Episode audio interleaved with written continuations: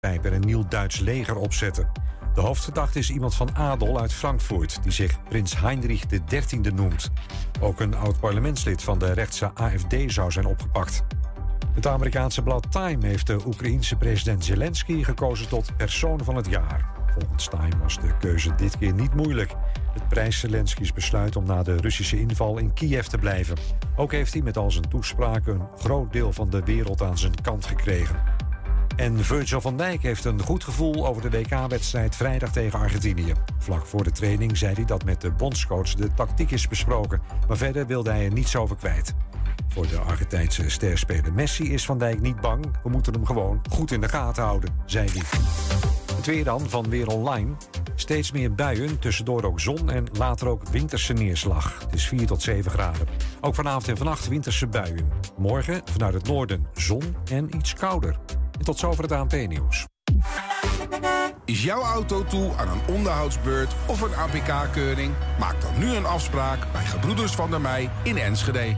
Of het nou gaat om APK-keuringen, reparaties, bandenopslag of totaalonderhoud... Gebroeders van der Mei leveren vakmanschap, passie en echte service.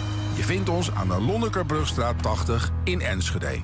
Mam, mama, ik moet plassen. We zijn bijna bij Willemse Toiletten. Daar kun je veilig naar een schoon toilet en je handen wassen.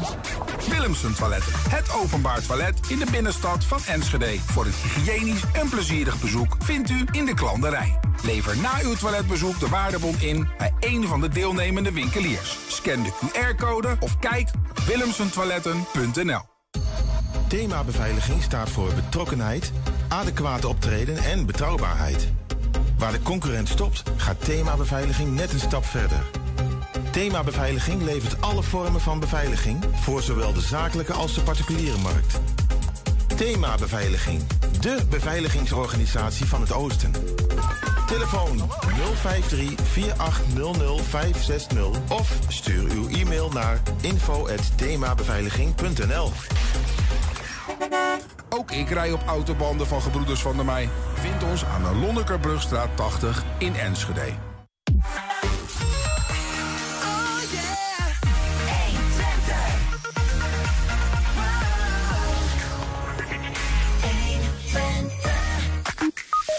Opvallend veel huizenbranden in Enschede bereiken het nieuws de laatste tijd. Is dat toevallig of een trend? In 2025 zitten naar verwachting 20.000 Enschede'ers zonder huisarts. Was een verwachting die begin 2020 werd uitgesproken. Dat Enschede kampt met een huisartsentekort is geen nieuws. Maar wat zijn eigenlijk de ontwikkelingen op dat vlak? Een pijnlijke stilte gisteren toen SP-raadslid Karma Woltje de vraag stelde of de huishoudelijke hulp wel in aantal uren wordt toegekend. Dat moet volgens de wet, maar het antwoord blijkt wat ingewikkeld in elkaar te zitten. En zoals gebruikelijk op de woensdag gingen Emma en Kim de straat op met een vraag deze week of Enschede zich wel eens ergens voor schamen. Het is woensdag 7 december. Dit is 120 vandaag. 120. 120 vandaag. Twikkel College in Hengelo is een uh, omgekeerde supermarkt geopend. Een omgekeerde supermarkt, u hoort het goed. Mensen kunnen hier uh, nou ja, allerlei dingen doneren... wat terechtkomt bij mensen die het juist uh, niet kunnen betalen. Leraar Frans Westerveen is hier nauw bij betrokken. Frans, welkom. Ja, goedemiddag. Um, een omgekeerde supermarkt. Ja, Leg ja, uit. Ja, dat lijkt een beetje raar, hè? Dus bij ons kunnen ze alleen maar brengen en niks halen. Ja. Um, het is een beetje gekomen omdat we vorig jaar EcoSchool zijn geworden. En EcoSchool gaat eigenlijk om het uh, verduurzamen van de school. En niet alleen op klimaatgebied, maar ook bijvoorbeeld met mensen. En uh, vorig jaar hadden we twee groepjes met leerlingen die zich inzetten. De ene voor het wat, wat beter scheiden van afval op school. En het andere groepje met mensen. En die hadden deze actie bedacht. Dus uh, spullen inzamelen als een soort decemberactie. Mm. En dat kan van alles zijn wat ze naar school brengen. Ja, uh, go goederen die nog uh, natuurlijk niet over de datum zijn. En, uh, maar ook belangrijk, denk ik, persoonlijke verzorgingsproducten. Want voor sommige mensen die wat minder geld hebben, spelen die verzorgingsproducten van de drogist zijn ook vrij duur. Ja. Dus dat is welkom bij ons op school. En dat mogen de leerlingen, dat mogen de medewerkers zijn. Maar buurtbewoners in Hengelo, kom gerust langs en doneer uw spullen bij ons. En wij zorgen dat het bij de voedseldeelkist komt. Voedseldeelkist de Mus en de Mussenstraat. Um, ja, daar komen toch vrij veel mensen langs om een paar attributen op te halen. Om deze maand goed door te komen en misschien om een iets aangekledere kerst te hebben. Ja, ja. Dus, dus de leerlingen leveren het op, school in, in de, in de supermarkt. Maar dat kunnen ook mensen zijn buiten, van buiten de school? Ja hoor, dat mag En, gerust. en dat wordt dan gebracht naar de voedseldeelkist. En daar worden ze weer opgehaald door de mensen die het nodig hebben. Zo moet Zo, het zien. zo moeten we het zien, ja. ja, Ja. Het is dus een, eh, echt een actie. Wij zijn een school, het Twickel College, een school die natuurlijk midden in de maatschappij staat. Dus dat betekent, de mensen mogen gerust binnenlopen. En die, eh, als ze hun spullen willen doneren, staat een kraam. En dat kraam is de omgekeerde winkel Ja, ja. of de omgekeerde supermarkt. Ehm, zometeen verder nog even, eh, ben benieuwd om te horen over dat eco-school, wat dat dan precies eh, behelst. Maar we hebben ook wat beelden van, eh, nou ja, van de kraampjes, geloof ik. Misschien kun je ons even uitleggen hoe, nou, wat we zien. Oké, eh, de beelden zijn hier in de hal. eh, dus, dus een omgekeerde winkel. Eh, Ja, letterlijk, ja, eh, vrij letterlijk in dit Ja. geval. Eh, eh, we zijn er gisteren mee begonnen. Dus eh, gisteren waren de eerste leerlingen die hun spullen hebben gebracht. En ehm, dat betekent dat we dat langzaam verzamelen en een aantal keren naar de, naar de deelkist brengen. Want bij de deelkist willen ze natuurlijk ook niet alles in één keer erin hebben. Ze willen het een beetje spreiden, zodat die kist mooi gevuld blijft. En eh, ja, hier zie je dat ik eh, aan het verzamelen ben. Ja, dat is hetgeen wat we op dit Ja. moment op televisie zien. En hoe voorkom, je, hoe voorkom je nou dat die leerlingen niet zelf wat meescoepen vanaf het, eh, Ja, het ja, eh, alles is mogelijk. Maar wij gaan eh, van de eerlijkheid uit van leerlingen. Ja. Stonden lange vingers en die waren wel interessant. Maar een onderwijsassistent zei toch wel, eh konden vertellen dat het niet voor hun was. Ja. Die eco-school waar je het over hebt, hè, dat is een beetje het kader waarin jullie dit doen. Jullie willen echt heel expliciet met duurzaamheid bezig zijn. Ja, wij willen graag dat duurzaamheid een, een, een prominentere plek krijgt in het curriculum.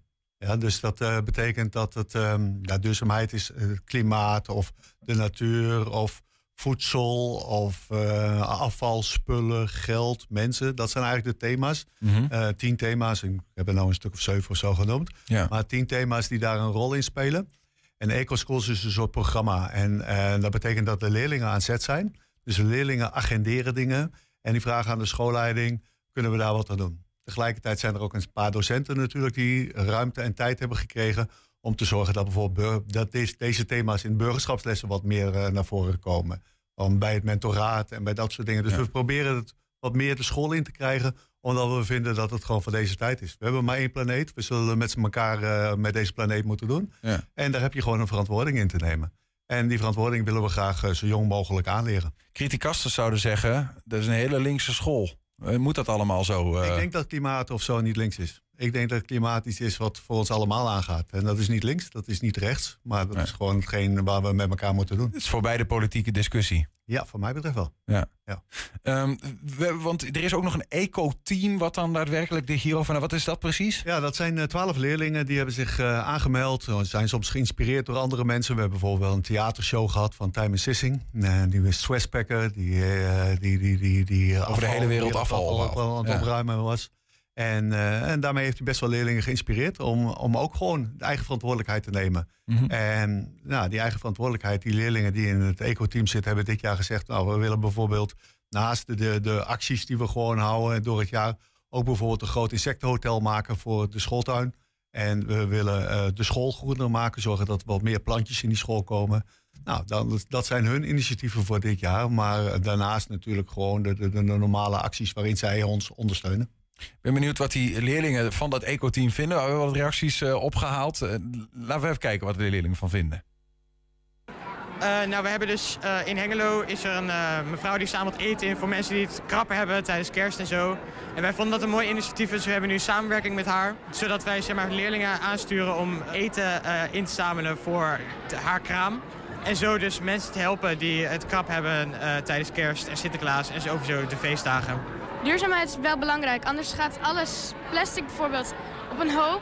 En dat, die hoop wordt steeds groter en groter. Misschien wordt het wel in de zee gegooid.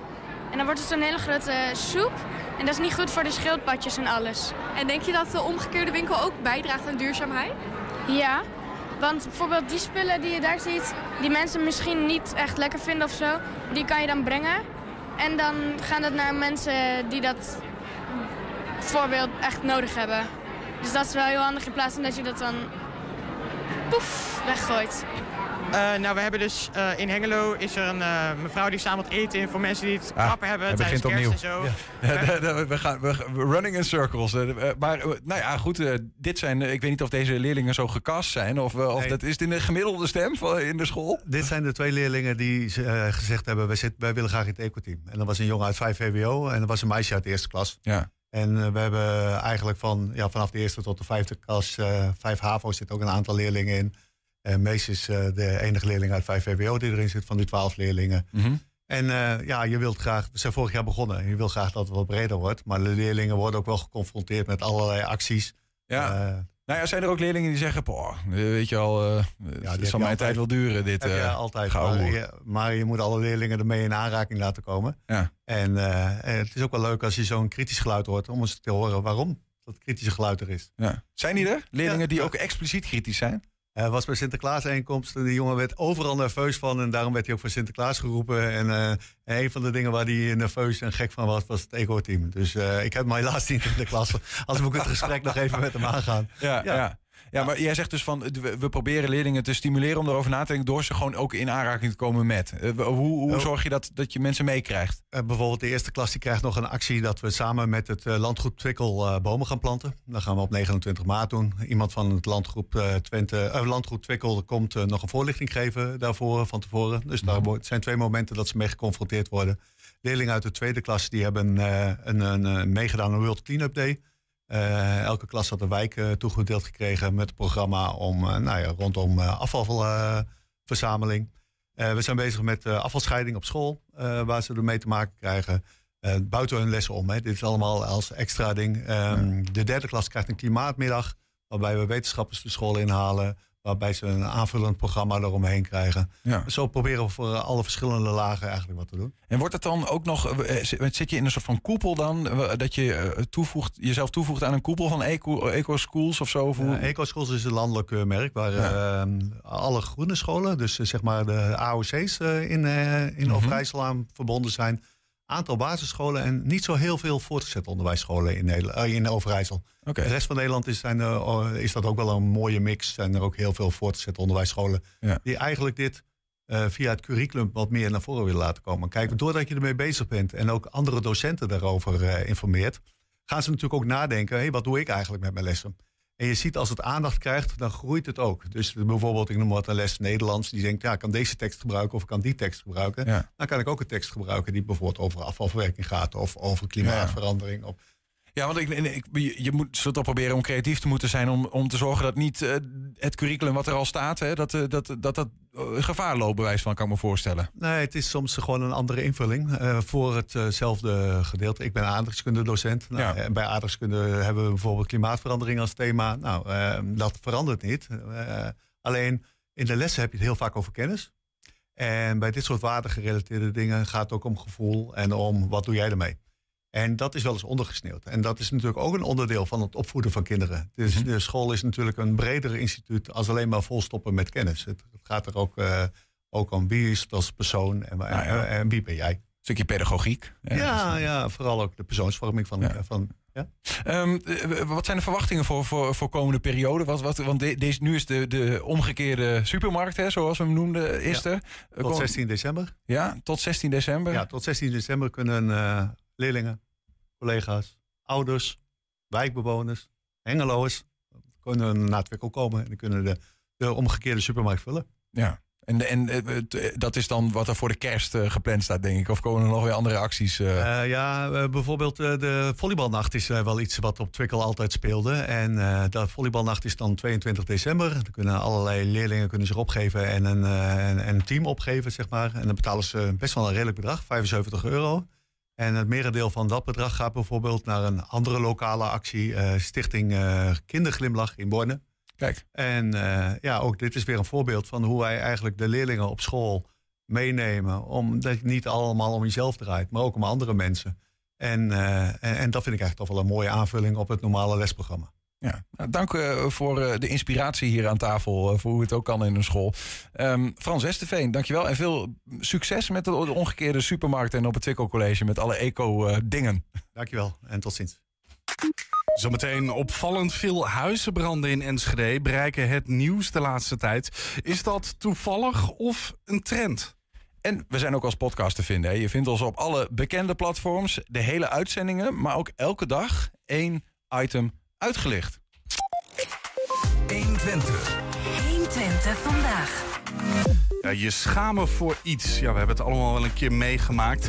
Emma en Kim zijn weer de straat opgegaan om die jongen in Enschede eens te vragen waar zij zich voor schamen.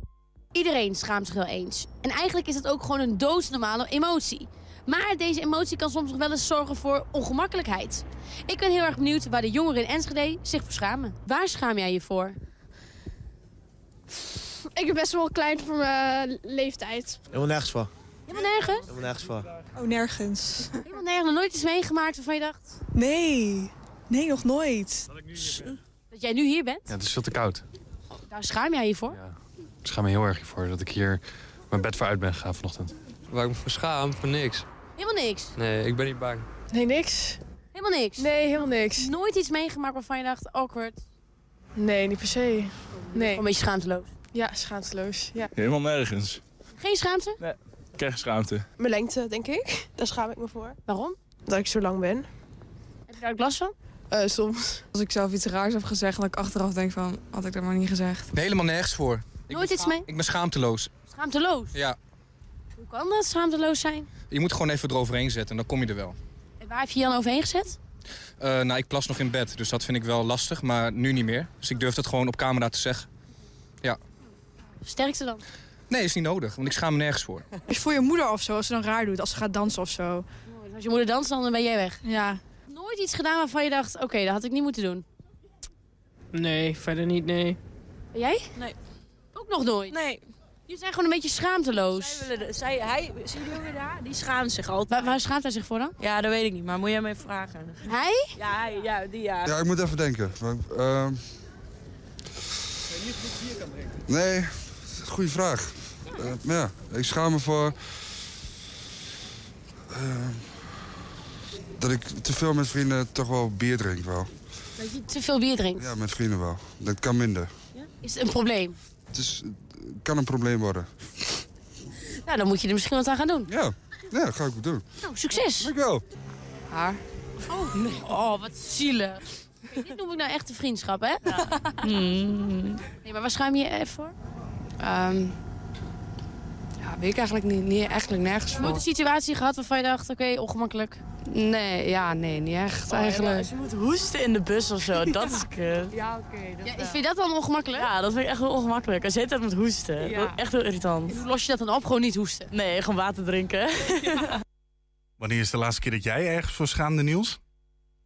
Poeh.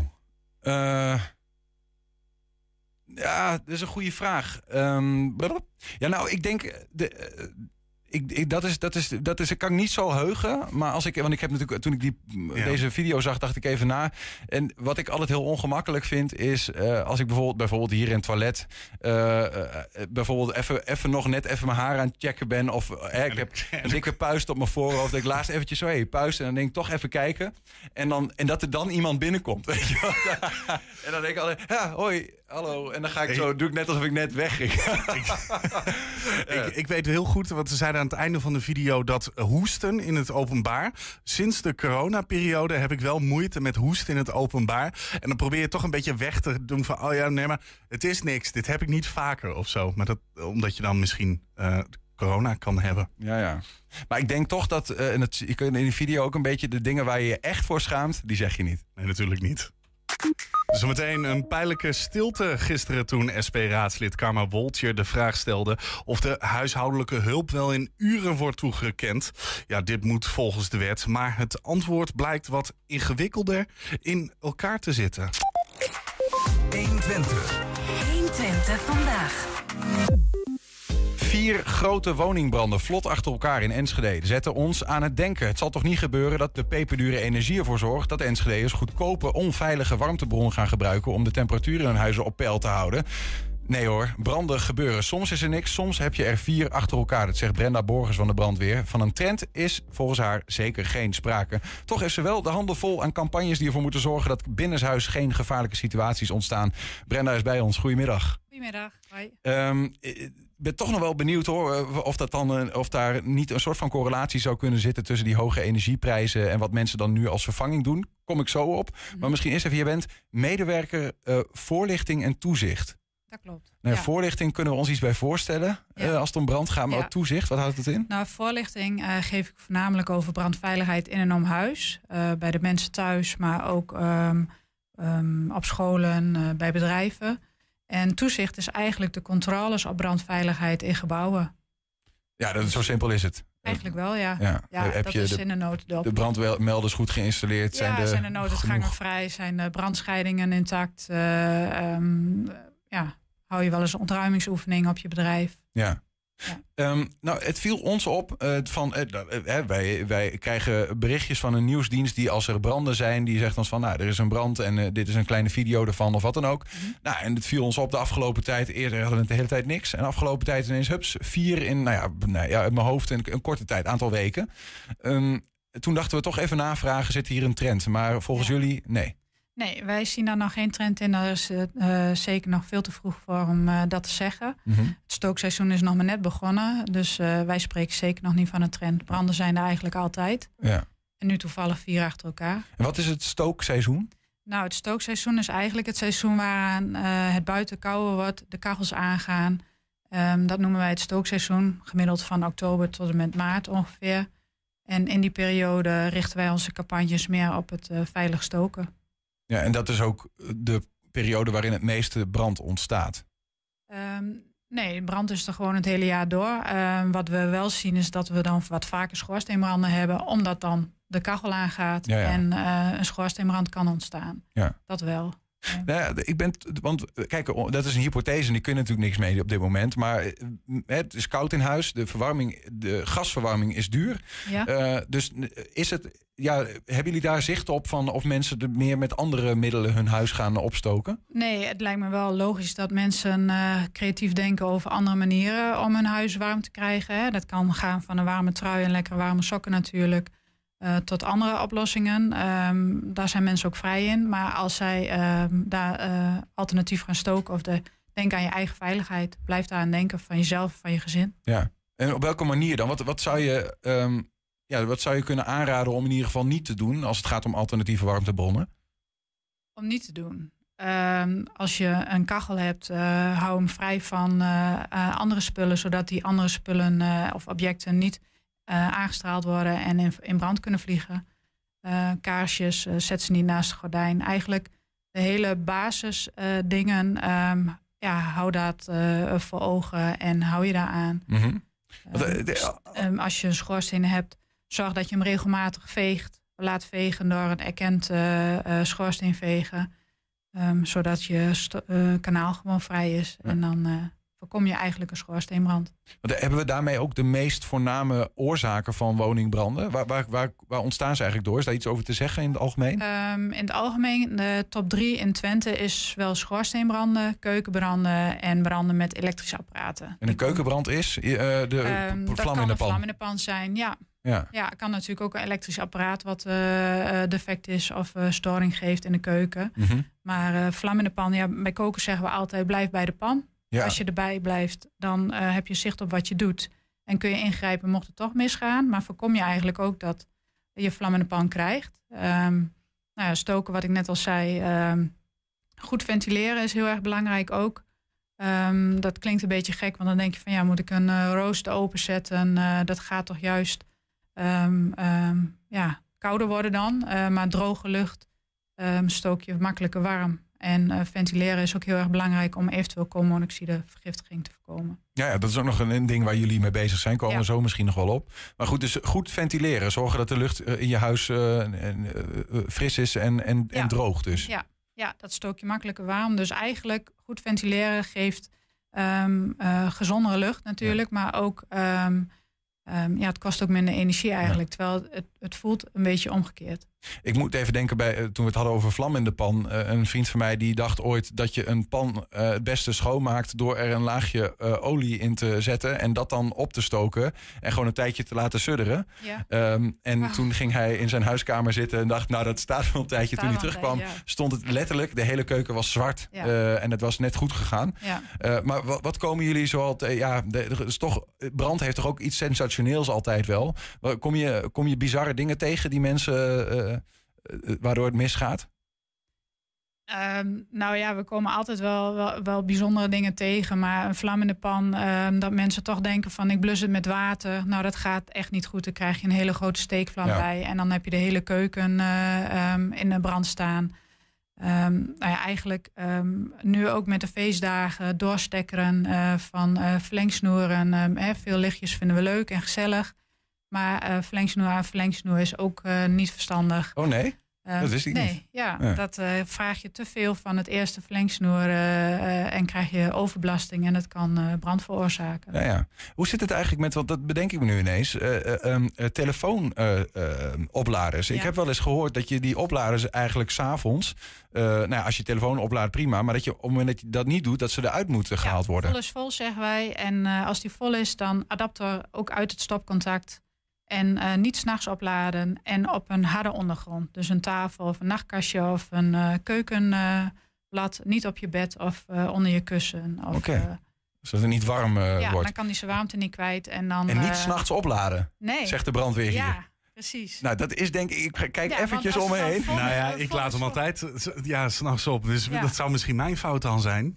Maar, maar eh, eh, waarom, gewoon omdat je dan niet, eh, niet bewust kan zijn van, van de Nou, risico's? Of, Ja, als hij dan vol is, um, hij kan overladen en dan um, kan hij te heet worden. En um, dan zie je niet dat er wat misgaat. wat wij ook aangeven is, hang rookmelders op. Uh, liefst ook in de slaapkamers. Eigenlijk daar waar brand kan ontstaan, hang daar rookmelders op. Uh, zodat mocht er toch iets misgaan, dat je op tijd gewaarschuwd wordt en veilig je huis kan verlaten. Ja. Nou, dat is tegenwoordig ook meer een verplichting dan vroeger, hè? Die rookmelders. Het is uh, niet meer een verplichting, het is een verplichting Ja, precies, maar- bij 1 juli, inderdaad. Ja, eh, zien jullie dat ook eh, terug in de cijfers? Ja, we hebben heel veel vragen gekregen van mensen van... hé, hey, er komt rookmelderplicht, eh, waar kan ik hem nu het beste ophangen?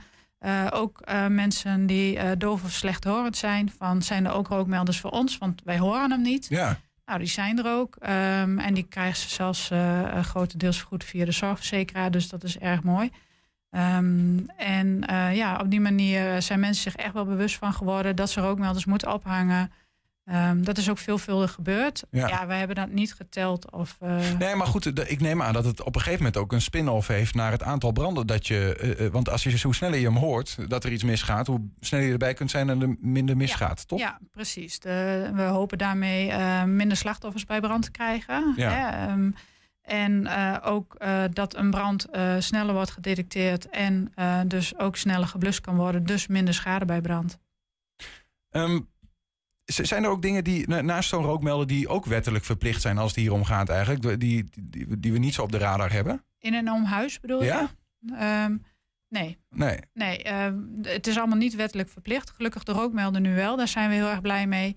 Een goede aanvulling zou nog zijn een koolmonoxidemelder. Ja. ehm, om die wel in huis op te hangen dicht bij je verbrandingstoestel.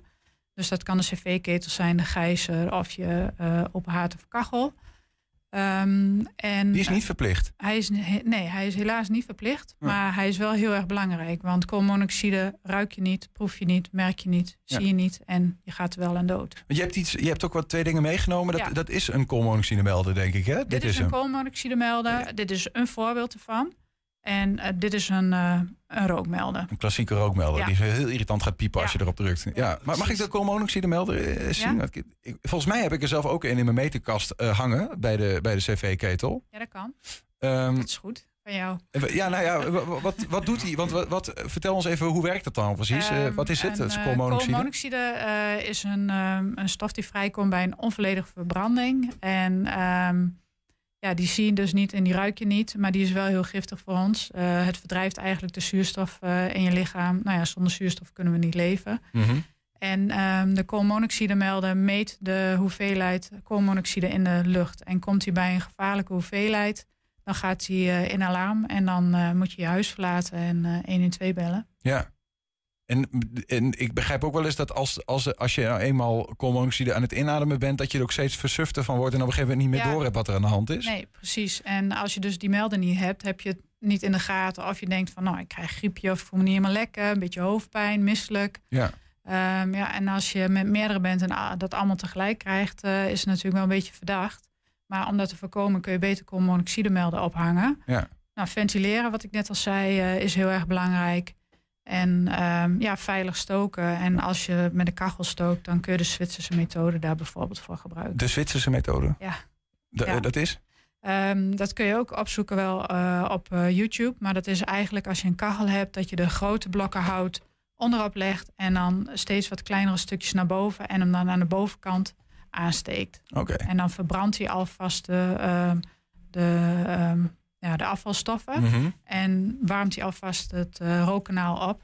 Dat is om te voorkomen dat je brand krijgt, maar ook, krijgt, ook eh, koolmonoxide. eh, Of is daar, heeft dat daar niet zo heel veel mee te maken? Nee. Nee. Wat ik eh, nog tot slot dan even over die koolmonoxidevergiftiging. Ja. Eh, dat ontstaat ook als er geen brand is, toch? Dat kan gewoon vanuit je cv-ketel bijvoorbeeld kan Ja. het misgaan.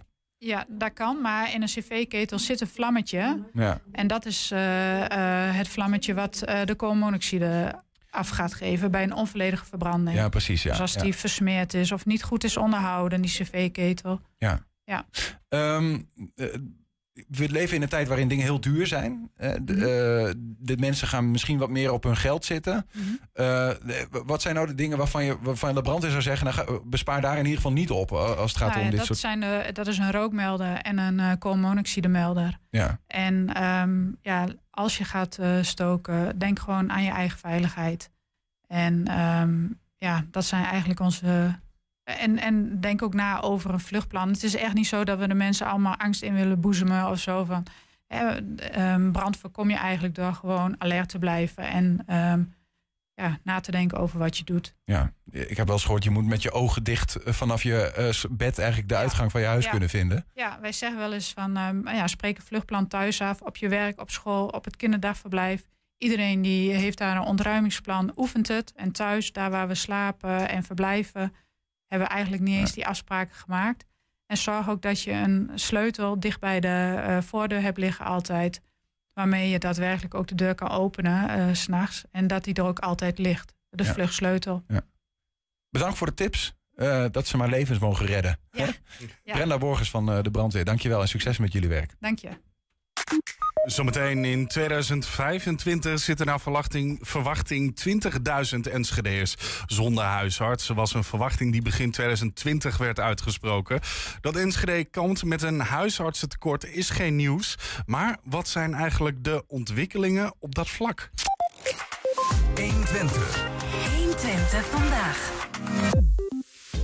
Een pijnlijke stilte vulde de vergaderruimte van basisschool Het Vastert in Enschede gisteravond.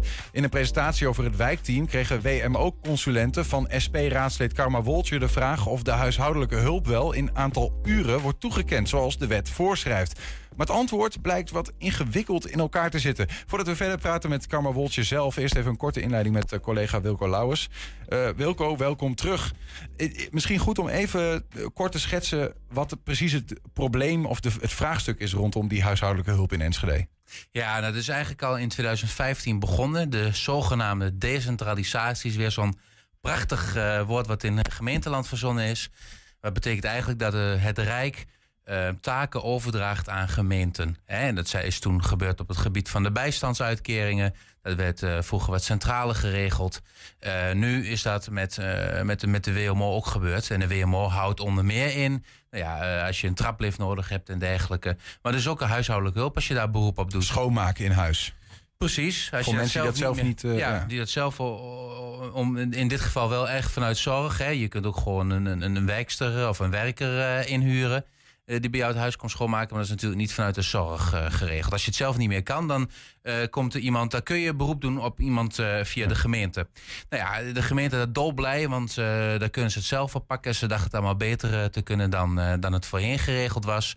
Maar het werd gewoon een ordinaire bezuiniging. Daar kwam het op neer. En de gemeente moet het uiteindelijk met minder geld doen dan het voorheen geregeld was. Nou, allerlei problemen. En dan kom je dus op nieuw beleid. Beter beleid. Tussen haakjes zeg ik dan maar. Want in 2016 besloot de gemeenteraad, dus medio 2016, om ehm, niet meer in uren te indiceren. Dus voorheen kreeg je gewoon, nou, je, hebt recht op vijf uur huishoudelijke hulp. Nou, en eh, toen werd besloten, nee, het is eh, we doen vanaf nu op het principe schoon en leefbaar huis. Hè? Eh, met andere woorden, een schilder betaal je ook niet eh, in uren hè, vooraf. Van nou, eh, je mag tien uur werken en dan schilder je mijn huis. Ja, als het dan twaalf uur nodig heeft, dan, eh, dan houdt het op natuurlijk. Dan gaat hij na tien uur weg en dan moet je, de, moet je nog een deel van je huis schilderen. Nee, je betaalt hem voor het resultaat. Zo moet je het een beetje zien. Nou, zo is het ook in de WMO ingevoerd. Ja. En wie bepaalt dan dat het vijf uur is en niet vier uur bijvoorbeeld? Uh, ja, maar dat is juist het ingewikkelde van dit alles. Hè. Achter de schermen worden natuurlijk contracten gesloten met uh, zorgaanbieders. Uh, en, en uiteindelijk krijgt de thuishulp in uren betaald. Hè, dus, dus het is niet, niet zo dat een thuishulp betaald krijgt... Voor een schoon en leefbaar huis. Voor een schoon en leefbaar huis. op bovendien, wat is een schoon en leefbaar huis? Zeg het maar. Hè? Wanneer is het schoon en wanneer is het leefbaar? Dat zijn verschillende. En, en dat heeft uh, juridisch natuurlijk. Uh, is, dat, is dat niet sterk. En dat is uiteindelijk ook in begin 2019 heeft de hoogste rechter van Nederland op dit gebied, hè, de mhm. Centrale Raad van Beroep is dat.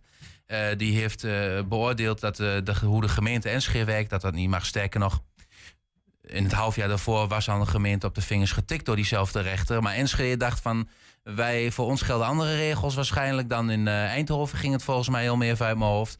Dus we laten het alsnog maar voor die rechter komen. En die heeft daar in. Uh, het was een korte zitting, heb ik begrepen. Want uh, René Beuners van Sociaal Hart Enschede zat erbij.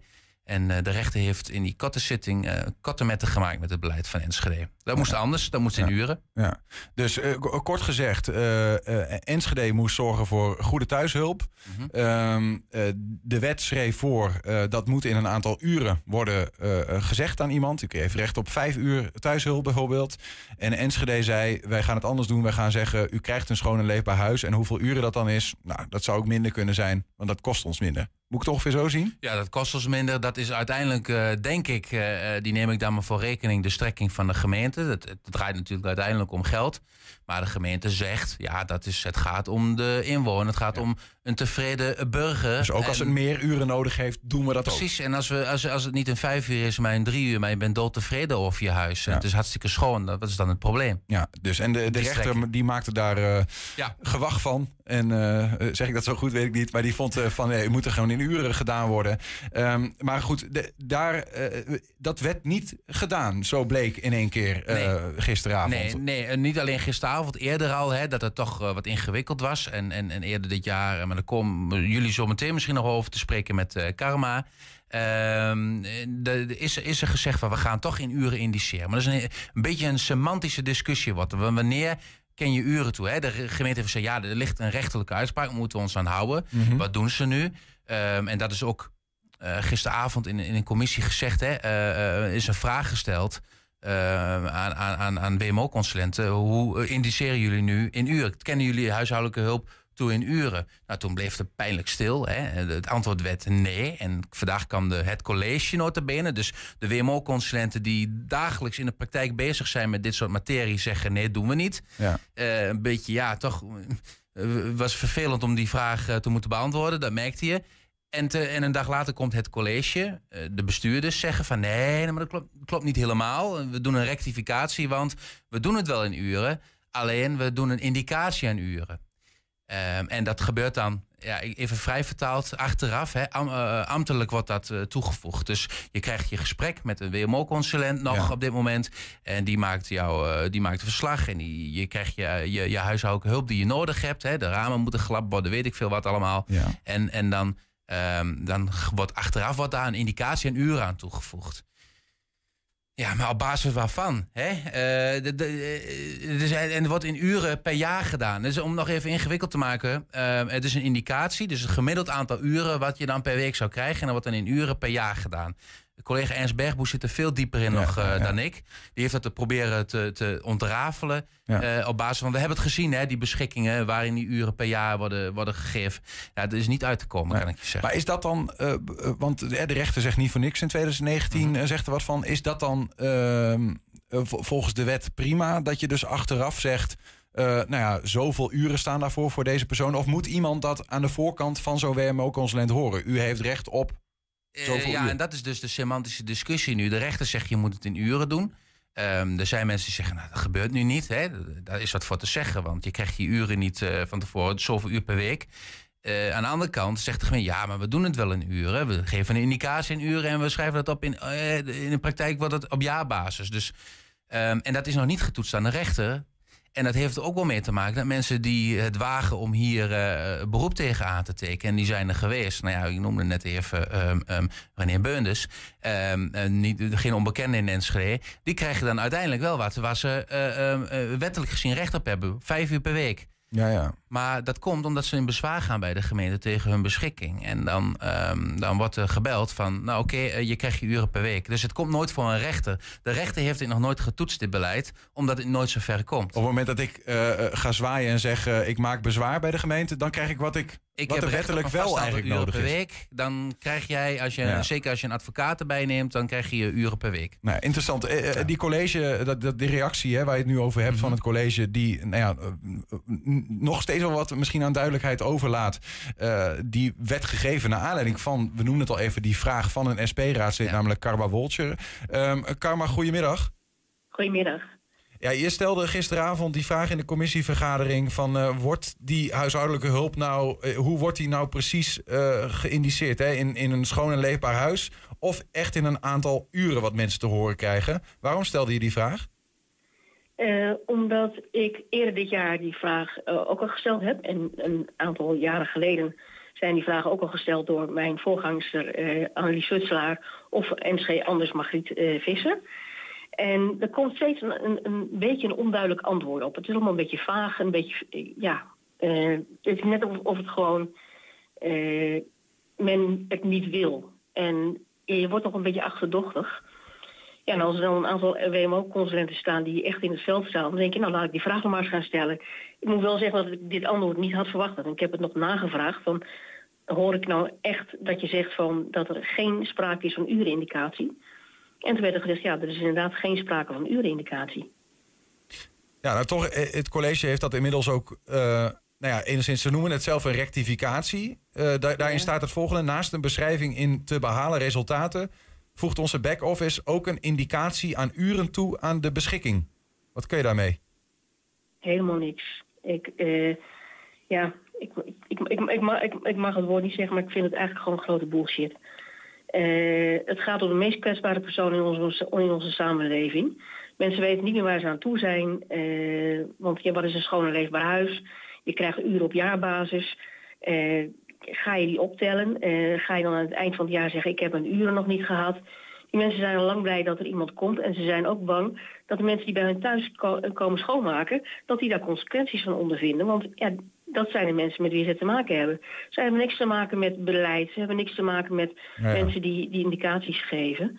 Ehm, ja, ik, vind het, ik, ik, ik blijf het allemaal heel vaag vinden. Wat, wat, wat zou in de ideale situatie, Karma, wat zou er eigenlijk, eh, eh, eh, volgens jou, hoe zou het moeten gaan? Dus ik, ik heb thuishulp nodig en Ja. eh, de, wat, wat zou er dan moeten gebeuren? Wat krijg ik te horen wat in de ideale situatie? Nou, de ideale situatie, dat weet ik niet. Maar in dit geval is het gewoon zo dat de Centrale Raad van Bestuur heeft gewoon besloten dat Enschede eh, niet resultaatgericht mag werken. Je moet dus inderdaad een uurindicatie geven. Ik zeg gewoon inderdaad dat iemand gewoon twee uur langskomt of vier uur langskomt. Per week, ja. Ja, per week. En ga niet inderdaad je verschuilen achter an- andere eh, regeltjes of eh, vage bewoordingen. Want ja, die mensen die, wa- waar het om gaat zijn vaak eh, of zwaar gehandicapt of eh, ouder qua leeftijd. En eh, de mensen die bezwaar maken, die krijgen inderdaad wel een urenindicatie. En de rest, ja, die moeten er maar mee doen. Op de een of andere manier. Aankomende maandag, dan eh, wil, je, wil je het er nog niet bij laten zitten, hè? Je gaat iets doen Nee. eh, in het vraaguur van de gemeenteraad. Ja, ik wil, ik wil gewoon antwoorden hebben. Want ik, ik, ik, er is gewoon op band opgenomen dat urenindicatie eh terug zou komen. En eh, we willen gewoon meer duidelijkheid. Het is gewoon nog steeds een, een, een, een raar verhaal.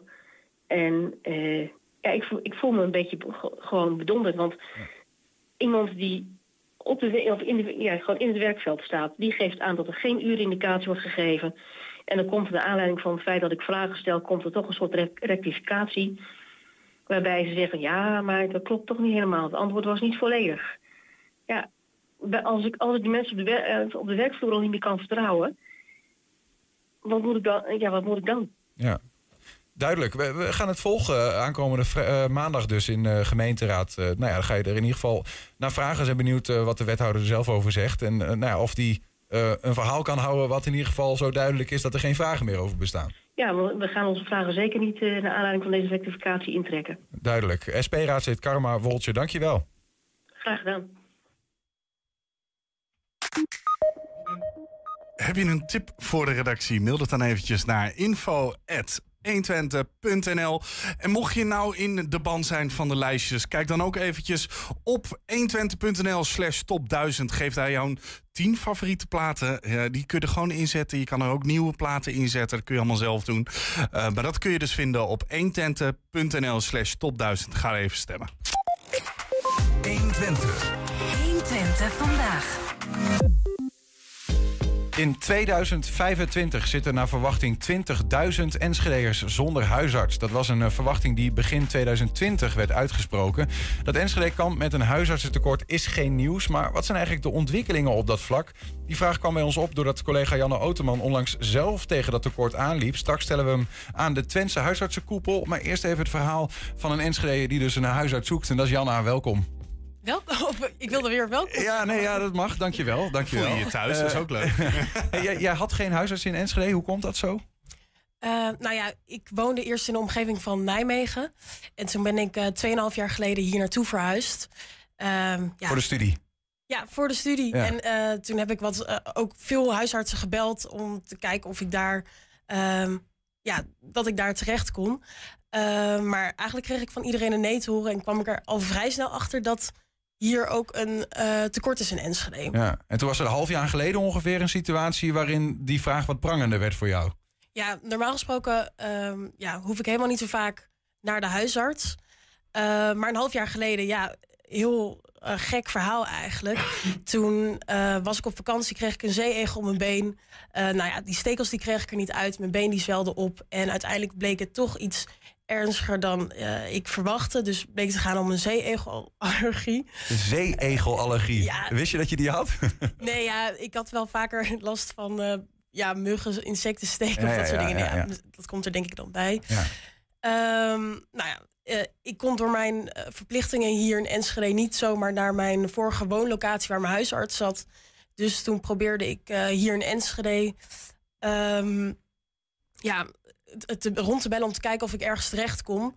Eh, ja, dat, dat ging eigenlijk niet. En ik werd door vrijwel iedereen ook doorverwezen naar de eh, huisartsenpost. Maar ja, als ik de huisartsenpost belde, dan zei die dan weer eh, dat ik daar niet terecht kon, omdat ik geen huisarts had in de gemeente Enschede. Oké, dat is interessant. Ja, Ja. dus uiteindelijk zit je echt in een soort van grijs gebied. Ja. ja, dus een beetje kastje, muur, verhaal. Maar is het uiteindelijk wel gelukt? Als in met die zeeegelallergie? Zeg maar, wat heb je uiteindelijk eh, gedaan?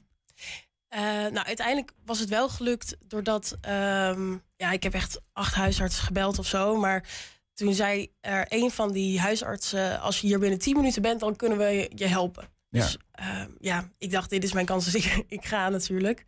Ehm, maar ja, je vraagt je wel een beetje af van... eh, wat wordt er in zo'n situatie van je verwacht? Omdat het hier best wel moeilijk is in Enschede. Ja, en jij was zo k- kwiek om eh, dus acht, k- acht huisartsen te bellen. Ja, je moet wel.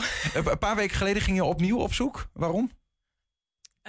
Ja, ik, ik was al gewoon heel lang had ik last van een hoest. Ehm, ja, voor de rest niet echt per se iets belangrijks of zo. Maar ik wil het gewoon even laten checken van...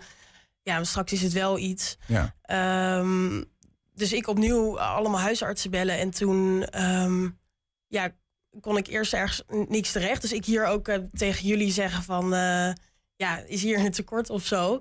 En toen eh, hebben we het eigenlijk een beetje opgepakt. Ja, en toen dachten wij, nou misschien is het wel eens interessant om die zoektocht van jou naar zo'n huisarts te volgen, te bekijken. En dat hebben we letterlijk gedaan. Je hebt een belronde gemaakt en die hebben we ehm, opgenomen.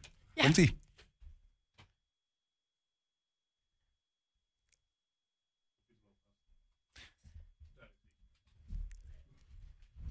Eerst even bellen.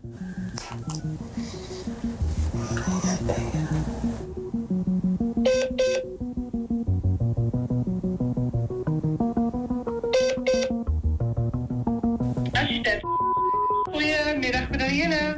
Hallo, met Janne. Ehm, ik had een vraagje, want ik ben twee jaar geleden verhuisd naar Enschede. Eh, en ik vroeg me af of ik me kon inschrijven bij jullie in de praktijk. Wij zitten echt als praktijk vol, dus we nemen geen nieuwe patiënten meer aan. Nee, op, op het moment kan het hier niet. Nee, we nemen helaas geen nieuwe patiënten meer aan. Eh, op zich zou dat kunnen. We maken altijd eerst even een eh, kennismakingsgesprek. Kijken of het eh, nou ja, klikt tussen beiden. Nee, het spijt me, wij zijn gesloten. Hoe, hoe bedoel je gesloten? Ja, wij zijn gesloten, wij nemen geen patiënten meer aan. Oh, waarom niet, als ik vragen mag? Omdat onze praktijk vol zit. Hebben jullie iets van een eh, wachtrij?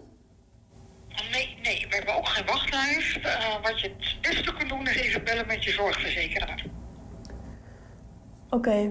ehm, Ja, Ja. en ik hoop dat jou een stukje op weg kunnen helpen, want het is, eh, het is lastig in Enschede. Uh, jouw vraag of ik nog iemand anders wist, dat misschien wel kon? Of, eh? ja, ik probeer het zeg maar al een tijdje en ik hoor van iedereen een nee. Ja, het is echt heel lastig. Ja. Eh, waar woon je in Enschede? Eh, in het centrum. Ja, nee, op het moment nemen wij niks aan, dus het kan hier helaas niet. Ehm, ja, ik weet het ook niet. Heb je een zorgmakelaar al ingeschakeld? Iemand van je, van je ziekenfondsverzekering? Want die heeft u ook al de huisarts gebeld die het meest dichtstbij zit. Ja, ja, echt al ja, bij vijf vandaag eh, in de buurt. Want eh, in principe nemen wij alleen patiënten aan die echt heel erg in de buurt wonen. Dat we patiënten ook echt dicht bij de praktijk eh, houden. Ja, ik, ga, ik kan het even navragen, maar ik ben bang van niet. Ik zou je eventueel volgende week eh, donderdag om kwart voor negen kunnen plannen. Ik ga heel eventjes kijken in mijn agenda. Donderdag om kwart voor negen. Ja, volgende week de 8e. Eh, ja, dat kan wel. Zet ik je in eh 8 december om kwart voor negen weer op. Ja, dankjewel. Helemaal goed. Oké. Doei doei. Oké, dan gaan we de eerst even bellen. Nou, uiteindelijk eh, gelukt, zie ik, eh, Janna. Toch? Of niet? Of li- lijkt dat zo? Eh, in ieder geval een gesprek. Nee, ja, uiteindelijk was het dus gelukt. Dus eh, daar was ik zelf ook een beetje verbaasd over. Dat het eh, ja, eerst dus niet het geval was. Ehm, ja, dus En dit, ja, was de, dit was de eerste en later werd je ook nog teruggebeld. Ja, later werd ik ook nog door eentje teruggebeld. En die, ehm, die wilde mij ook helpen. En toen dacht ik, ja, ik was zelf ook een beetje verbaasd. Van de vijf, twee raak. Zeg ik dat goed dan? Ja, vijf of zes was het. Ja, ja twee raken in ieder geval. Nou ja, de, de vraag is, gaat het misschien wat beter? Hè? Gaat het de betere kant op? Nou, laten we Marieke Nijhoff er eens bij halen. Ze is voorzitter van eh, Huisartsenzorg Twente. Dat is de samenwerking tussen alle huisartsen, huisartsenorganisaties eh, van Twente. Marieke, goedemiddag. Goedemiddag, hi. De- eh, betekent dit dat het de goede kant op gaat eh, met het huisartsentekort in Enschede? Eh, was het maar zo'n feest? Ja, nee. Ik kan helaas niet heel positief erover zijn. Ehm, want wat we merken is dat het huisartsentekort dat, dat is nog steeds eh, zo aan de orde als dat het een paar jaar geleden was. Hmm. Oké, want een paar jaar geleden, begin 2020, toen, toen werd er eh, in een programma wat wij maakten gezegd, volgens mij door jouw voorganger, in ieder geval door In- Ingeborg van Lingen, het, de verwachting twee- 20.000 Enschede'ers zonder huisarts in 2025. Zou dat wel eens kunnen? Nou ja, het is op zich denk ik dat dat nog wat aan de hoge kant is. Eh, we hebben wel recent nog eens gekeken van wat is nou eh, het, het aantal wat er nu eh, zonder huisarts zit. En dat zit een beetje zo rond de 3000, 4000 mensen. Ja. Ik weet dat Enschede nog wil groeien. Dus daar hebben we de gemeente ook even op geattendeerd. Want denk dan ook na daarover hè, Ja. die huisartsen, Ja. de huisartsenzorg. Maar ehm, ja, dat, we hebben er nu nog niet direct een oplossing voor. Hoeveel huisartsen zijn er in Enschede? En dan heb ik het over praktijkhouders. Hè? Want dat is nog wel een goed verschil om te benoemen in deze, denk ik. Hè? Praktijkhouders en waarnemers. Ja, je hebt, eh, je hebt solisten, maar je hebt ook duopraktijken. En je hebt ook eh, een aantal eh medisch centra's. Eh, en nou ja, daar zitten ongeveer 52 huisartsen. Ja, ja oké, dat was toen ook al ongeveer zo. Ja. En, Nou ja, goed, dat, dat is eh, eh, niet genoeg om alle, nou ja, alle patiënten of alle mensen in Enschede te bedienen. Ehm, wa- wat is het voornaamste probleem eigenlijk als het gaat om dat huisartsentekort? Wat is de, wat is de voornaamste oorzaak daarvan? Nou ja, ik denk dat in Enschede sowieso al in de basis hadden we eigenlijk al te weinig huisartsen. Dus voor, voor als je een aantal jaar terugkijkt, dan, dan was het aantal sowieso wat aan een lage kant. Waren er sowieso al wat grote praktijken. Ehm, en op een gegeven moment merk je eigenlijk dat wij al een aantal jaar ook de opleiding, de landelijke opleidingen hebben geattendeerd op van als dit zo doorgaat, dan eh, wordt het bij ons in ieder geval een groot probleem. Eh, omdat wij hier in Twente hebben wij een dependance van de opleiding. En het merendeel blijft hier wel hangen. Maar eh, dat is niet genoeg om eh, ja, het eigenlijk aan te vullen. Omdat voor een solist heb je soms al twee tot drie huisartsen nodig om het weer op te vullen. Als die ermee stopt. ze, ja, en dan moet je ze ook opgeleid hebben. Dus eh, ja, dan, dan, dan we liepen eigenlijk op een gegeven moment achter de feiten aan. Ja, bete- be- be- betekent dat dat iemand die het normaal of eerder in zijn eentje deed, die, als die ermee stopt, dan wordt die vaak opgevuld door mensen die het parttime doen bijvoorbeeld? Klopt. Ja, ja, ja, inderdaad. ja. Ja. Want eh, die opleidingsplek in Hengelo, hè, die wordt, eh, da- da- daar gaat het over, die wordt gevuld door de eh, Vrije Universiteit, geloof ik. Klopt, De, ehm, ja. de- is, daar, is daar al beweging dat er wat meer, want ik begreep ook eerder dat er vooral eh patiënten of huisartsen naar, vanuit die opleidingsplek naar allerlei plekken in Twente gingen, maar niet naar Enschede en Almelo. Ja, wat we merken is eh, sowieso het positieve eraan is dat wij eh, eh, een tweede moment in het jaar hebben dat, eh, dat wij mensen kunnen opleiden inderdaad. Dat we artsen kunnen opleiden tot huisarts eh, in Hengelo. Dus Meer dat is heel instroom. positief. Ja. Ja. Eh, nu hopen we natuurlijk dat eh twee opleidingsmomenten niet maakt dat je dan eh, per moment minder eh, aanmeldingen krijgt. Maar dat het aantal aanmeldingen dus nog wel gewoon hetzelfde blijft als bij één aanmelding in het jaar. Ehm, maar eh, wat we zien is inderdaad in de wat grotere steden zoals dus Almelo en Enschede, daar gaan de huisartsen toch wat minder snel naartoe. Ja. Ja, wat meer bewerkelijke patiënten, zoals we dat zouden zeggen misschien. Nou ja, goed, er zijn natuurlijk steden met een eh, bepaalde eh, bevolkingsgroep... Die, die, die misschien wat meer aanspraak doet op zorg. Heeft het daar ook mee te maken?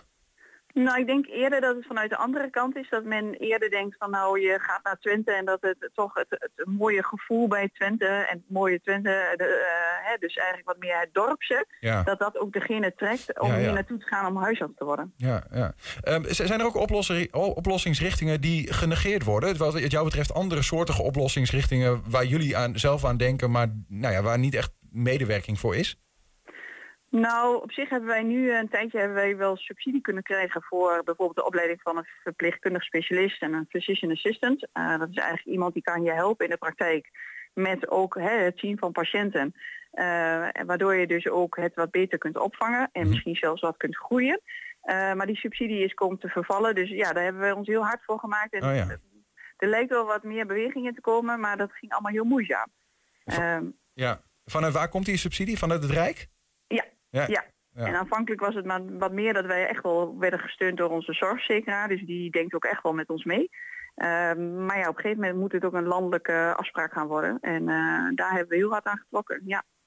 Ehm, dan eh, misschien erg, erg leuk om even een concrete vraag bij de, bij de hoorns te vatten... die eh, mijn collega Janna hier had. Ja, Jan, ik weet niet of, of je eventueel zelf wil stellen... de situatie met de zeeegel. Ja, want eh, ja, je hoorde het net wel, mijn zeeegelverhaal. Ehm, maar ja, ik, kwam toch wel met een vraagstuk van... wa- wat zou je mij aanraden? Wat, wat had ik misschien beter kunnen doen? Ehm, als in, want ik werd doorverwezen naar de huisartsenpost. Maar eh, dat, daar kan je alleen terecht als je in de gemeente Enschede zit. Ehm, ja, wat moet ik in zo'n situatie doen als ik overal naartoe word eh, verwezen? Wat wordt van mij verwacht? Nou, bovenal, hè, laat ik als eerste zeggen, het is bijzonder vervelend eh, vanuit het perspectief van de patiënt. Hè. Vanuit de burger van Enschede is het heel vervelend zoals het nu gaat. Ehm, en met name, we hebben eigenlijk de afspraak staan dat als er acute zorg geleverd moet worden, dat we dat ook als huisartsen doen. En dat je dan inderdaad eh, de huisarts in je buurt, hè, die het meest dichtbij zit, dat je die ook kunt bellen.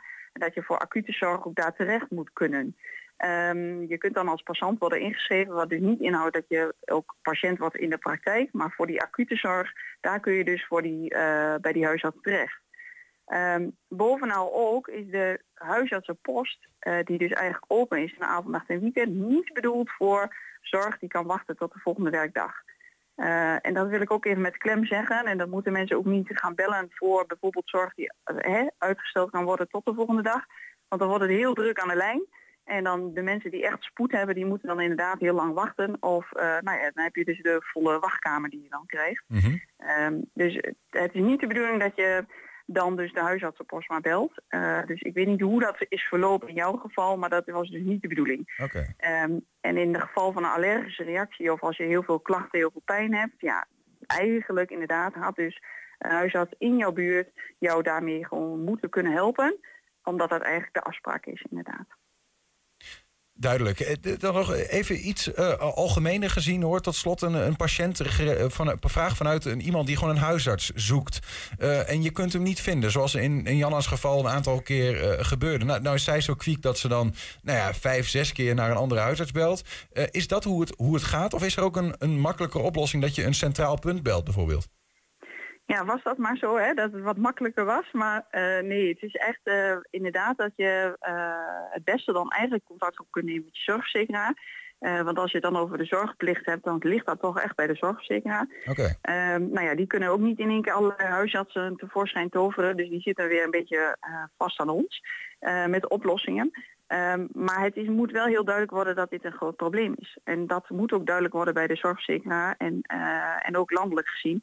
Ehm, kan het niet zo zijn dat wij als huisartsen alleen met dit probleem komen, komen te staan. Ja. Eh, want voor ons als huisarts is het heel vervelend. Hè? En dat ja. merk je ook aan de, aan de assistenten aan de lijn. Ja. Ja, die willen best wel meedenken, maar ze hebben ook niet de oplossing.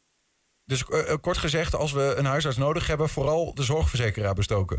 Vooral de zorgverzekeraar en dat het ook echt eh, landelijk ook echt nou ja, wat Ja. meer de noodzaak duidelijk wordt. Ja, precies. En, en voor, de- dan tot, echt tot slot, Marieke, wa- wat, wat moet er volgens jou in ieder geval gebeuren? Hè? Wat is jouw boodschap aan lokaal, regionaal, provinciaal en misschien landelijke politiek of, of mensen? Nou ja, kijk, waar we nu een beetje tegen aankijken is dat we natuurlijk, hè, zoals het nu gaat in de zorg, kan het zo zijn dat we zijn tijd in grote problemen komen, omdat we het personeel niet hebben en eigenlijk wat de zorg graag vraagt, wordt eigenlijk eh, groter. Ehm, dus ja, wij, wij zien als huisartsen op een gegeven moment ook wel wat werk vanuit de tweede lijn naar ons toe komen. Wat op zich, hè, dat is op zich niet altijd fout. Ehm, maar wij moeten wel gefaciliteerd worden met Ja. ehm, mankracht, met eh, nou ja, ruimte, met panden, met, eh, dus dat je het ook uiteindelijk ook wat beter kunt aanvliegen, dit probleem. Eh, en dat, daar hebben we gewoon echt wel met iedereen eh, eh, met de koppen bij elkaar nodig. Ja, ja. Duidelijk. Het Marieke kan niet zo zijn dat wij daar alleen voor staan. Nee. nee, dank dat je even wilde hier, eh, hier wilde aanstippen naar hoe, hoe het er nu voor staat. Even een update van, van, van die zaken en ook eh, nou ja, wat volgens jullie goede oplossingsrichtingen zijn. Maar het is, het is een ingewikkeld probleem. En dank in ieder geval eh, nou ja, dat je ons even wilde bijschijnen over wat er allemaal speelt op dat vlak. Graag gedaan. Joep. En Janna, jij ook bedankt hè, voor nou ja, jouw openheid hier aan tafel over hoe jouw zoektocht ging. Ja, geen schaamte. Nee, ja, blijkbaar niet. En daarmee sluiten we ook 120 vandaag af. Terugkijken, dat kan direct via 120.nl. En vanavond om 8 en 10 zijn we ook op televisie te zien. Dus zometeen hier, nou ja, je zal er geen schaamte voor nodig hebben. Het is de kettingreactie. Wij zeggen tot morgen. 120. Weet wat er speelt in Twente. Met nu het nieuws van 5 uur. Goedemiddag, ik ben Peter van Oudheusden.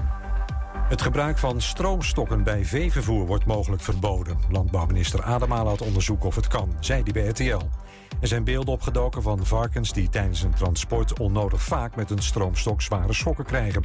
Adema noemt het dierenmishandeling. Er komt een hele stroom recht.